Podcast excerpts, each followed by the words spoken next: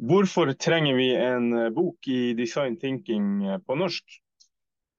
Velkommen til eh, Akademisk kvarter, en podkast fra Cappelen Dam Akademisk. Mitt navn er Håvard Bratli, og jeg sitter her i lag med Nils Fredrik Garman Johnsen. Og i lag med Alexander Utne så har vi skrevet boka 'Design thinking' på norsk. Nils, har du lyst til å introdusere deg sjøl? Ja, jeg er førsteamanuensis ved Universitetet i Agder, Institutt for informasjonssystemer. Og eh, har undervist i design thinking i, i rundt ti år, samme som deg, tenker jeg. Ja, og mitt navn er Håvard Bratli. Jeg er første lektor i innovasjon og entreprenørskap. Jobber på Handelshøyskolen på UiT. Og har eh, på samme måte som Nils eh, ca. ti års erfaring nå med undervisning av design thinking. Og vi gleder oss Nils, masse til å få lov å ha en liten samtale her rundt uh, eh, denne nye boka 'Design Thinking' på norsk. Og Da tenkte vi å begynne med et uh, viktig spørsmål. Uh, hva er egentlig design thinking? Ja, det er jo en innovasjonsprosess, en metodikk. Noen sier filosofi. For hvordan du bør arbeide med utvikling av nye produkter, nye tjenester eller prosesser.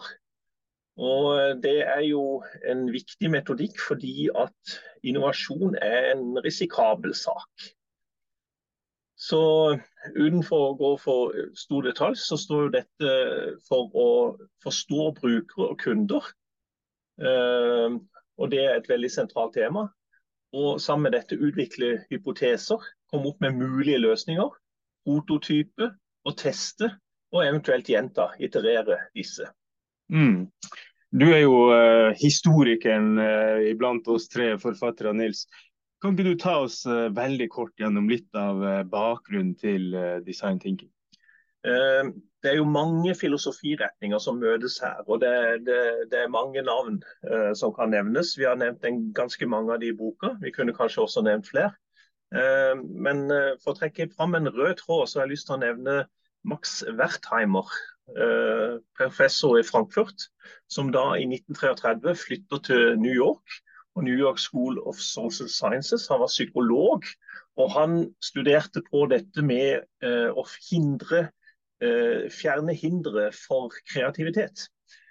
Eh, og så har vi da en eh, kar som heter John E. Arnold, som eh, jobber sammen med Wertheimer, tar med seg ideene flytter over til Stanford University, som ligger midt i Silicon Valley, sør for San Francisco i California i USA.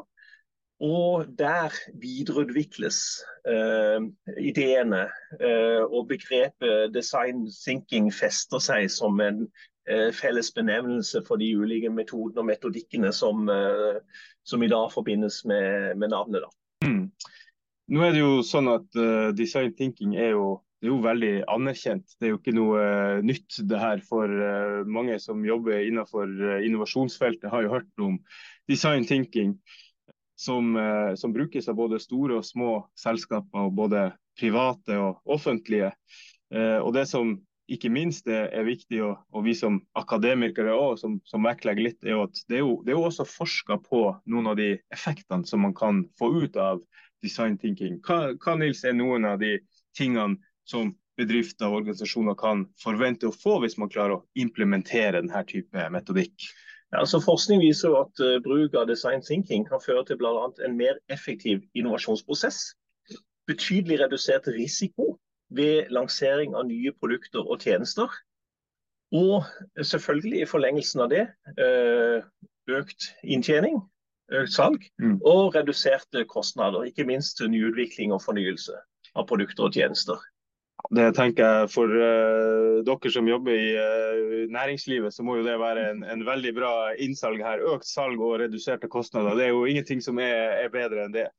Men uh, Nils, det er jo som sagt, design thinking er jo, er jo, anerkjent. Og det er jo publisert mange bøker internasjonalt om design thinking. Så trenger vi en til bok. Hvorfor har vi egentlig skrevet denne boka Design thinking på norsk?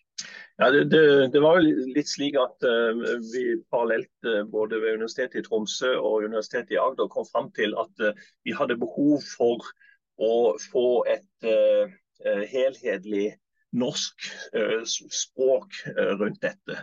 De fleste av våre studenter er jo veldig gode i engelsk, men vi vet at studenter f.eks. trives bedre med, med lærestoff på norsk hvis de har muligheten å valge. Så vi valgte å skrive da, en lærebok på norsk, men skrive den på en sånn måte at den også kan leses eh, med utbytte av ikke-akademikere, altså de som er praktikere, eh, driver med innovasjon, som du nevnte, i offentlig eller privat sektor.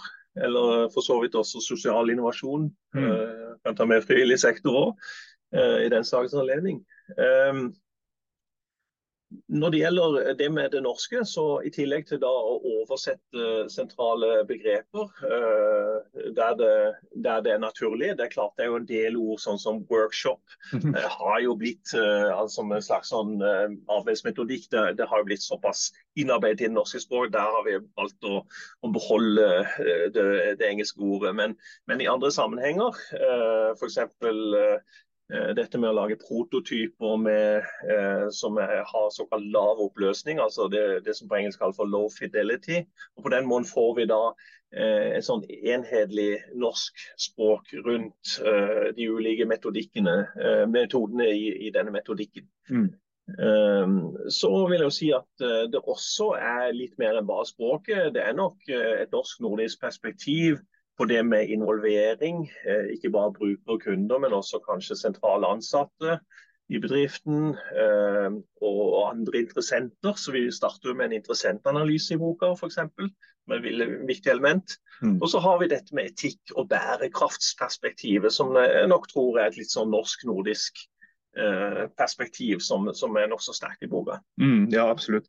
Jeg synes jo det er jo en en, en, litt uh, artig historie her. fordi uh, For bare et år siden så kjente jo ikke vi uh, til hverandre, du og meg, Nils. Og, og, Grunnen til at vi møttes, var jo at vi, vi begge to da hadde uh, pitcha et bokprosjekt i design thinking på norsk til uh, Cappelen Dam. Og de uh, kobla oss og lurte på om vi ville rett og slett skrive boka i lag. og det er jo, som du sier, jeg er jo helt enig fra mitt perspektiv. Den er jo skrevet på en måte for, for meg sjøl, fordi jeg underviser i design thinking og har savna nettopp en sånn her bok som du eh, forteller om. Eh, I tillegg til at man har jo sett at det, det er jo et marked for det. Eh, I våre undersøkelser så fant vi minst 13 forskjellige universiteter og høyskoler i Norge som i dag eh, underviser i, eh, i, design thinking. Så eh, åpenbart er det jo også mange studenter og mange fag der en sånn her bok vil, vil være relevant. Du, design thinking det kommer jo i, uh, i, mange former eller mange varianter. Eh, hvis man søker eller googler etter design thinking process eller methodology, så vil man jo få opp et, et mylder av ulike eh, modeller og, og, figurer som viser i noen tilfeller fire steg av design thinking, i andre tilfeller fem og seks. Jeg tror til og med jeg har sett en, en eller annen design thinking-modell som hadde syv eller åtte steg til og med. Eh, men i vår bok, og det er jo det som er litt av ironien her, vi har jo sjøl eh, laga vår egen eh, modell. Vi har eh, seks faser i vår modell. Det er undersøkelsen, og så er det analyse og idégenerering, idéutvelgelse, prototyping og, og, testing. Men kan ikke du fortelle litt, Nils, eh, hvorfor har vi gjort det på denne måten, og, og har det egentlig noe å si de her ulike navnene på, på fasene? Nei, For å begynne med det. Ehm, eh, det er jo slik at Innholdet i alle disse ulike dialektene er jo egentlig stort sett det samme. De, disse fasene kan ha ulike navn eh, når metodikken kommer eh, beskrevet fra ulike miljøer. Men innholdsmessig er det jo ganske likt, og, rekkefølgen er også stort sett den samme. Dessuten må vi huske at Hvis vi tar utgangspunkt i, Stanford-modellen, så har den også utviklet seg over tid. Eh, grunnen til at vi har valgt vår seksdelte modell, er at eh, vi har eh, først og fremst tenkt på eh, en eh, lærings- og utviklingssituasjon der vi eh, kanskje har tre parter. Vi har en studentgruppe som ville kanskje tilsvart et konsulentfirma på en måte. En uavhengig part som på en måte går inn som designtenkere og skal hjelpe. Eh, så har vi da ofte industripartnere som kommer til universitetene og trenger hjelp og har en utfordring. Eh, som vi da gir videre til disse studentgruppene, og som de da hjelper industripartnerne med. Og så har vi oss selv, vi som er lærere og veiledere. Og da er det veldig greit, har vi funnet ut, å operere med disse seks fasene. For da kan vi for hver fase sin avslutning, så kan vi da gi råd og veiledning på hvert steg i prosessen, slik at man kan raffinere og forbedre før man går videre. Mm. Så Det er en forklaring på, på, hvorfor vi har eh, valgt å gjøre det, gjort det på denne måten i vår bok. da. Og Vi har jo også snakka om, eh, du og jeg og, og med Alexander og, og, andre folk som jobber innenfor eh, det her fagfeltet, at til syvende og sist òg i den graden man slavisk følger en prosess på, fra det steg til det steg, og hva man kaller akkurat den fasen, det er heller ikke det viktigste læringa som man skal sitte igjen med her heller. Det er jo følge noen generelle prinsipper, og så er denne prosessen med for å, for å guide deg på veien, som du sier. Men, men eh, det å sitte igjen med en, en, en, forståelse av hva er det eh, viktigste man gjør her, og, og, og de som jeg tror eh, virkelig tar og, og forstår det vi jobber med her, de vil jo skjønne at akkurat som du sier, det har ikke noe å si om du har fire eh, steg her eller seks, så lenge de følger de samme prinsippene og den samme filosofien eh, på veien. Ja, det er jo det man kaller for, eh, også kalt for iterativ, eller hører til den store familien av agile eller smidige metodikker, eh, som jo er blitt liksom mer regelen enn unntaket eh, i nesten alt eh, utviklings- og innovasjonsarbeid. da. Mm. Um, denne boka, er det, en, er det, en, innføringsbok, eller på hvilket nivå har eh, vi prøvd å legge denne boka, Nils? Den gir en innføring, så du får litt historie, litt sånn teoretisk kontekst i de to første kapitlene. Men så er det nærmest en oppskrift for hvordan du kan jobbe i ditt eget innovasjonsarbeid. Uh, og hvor man da, For å gi litt sånn glimt av innholdet, så, så starter man jo da med undersøkelsen. Eh, en grundig undersøkelse hvor man da empatiserer med de man ønsker å hjelpe, altså de fremtidige brukerne eller kundene. Eh, så må man gjennomføre en analyse av det man finner, og, kanskje gå litt frem og tilbake mellom de to første fasene der. Så har vi gjerne en sånn eh, idégenererings- eller idéskapingsfase. Og så må vi kanskje sortere litt, for kanskje får vi litt flere ideer ut av dette enn det vi, det vi eh, trenger å gå videre med. og Da har vi en slags sånn idéutvelgelsesteknikk, hvor også dette med ulike rammer og kriterier, sånn som bærekraft kommer inn. Altså Hvis vi har valget mellom to løsninger, og én er mer bærekraftig enn den andre, men ellers mm. like, så vil vi da gå for den som eh, er mest bærekraftig. Mm, ja, absolutt.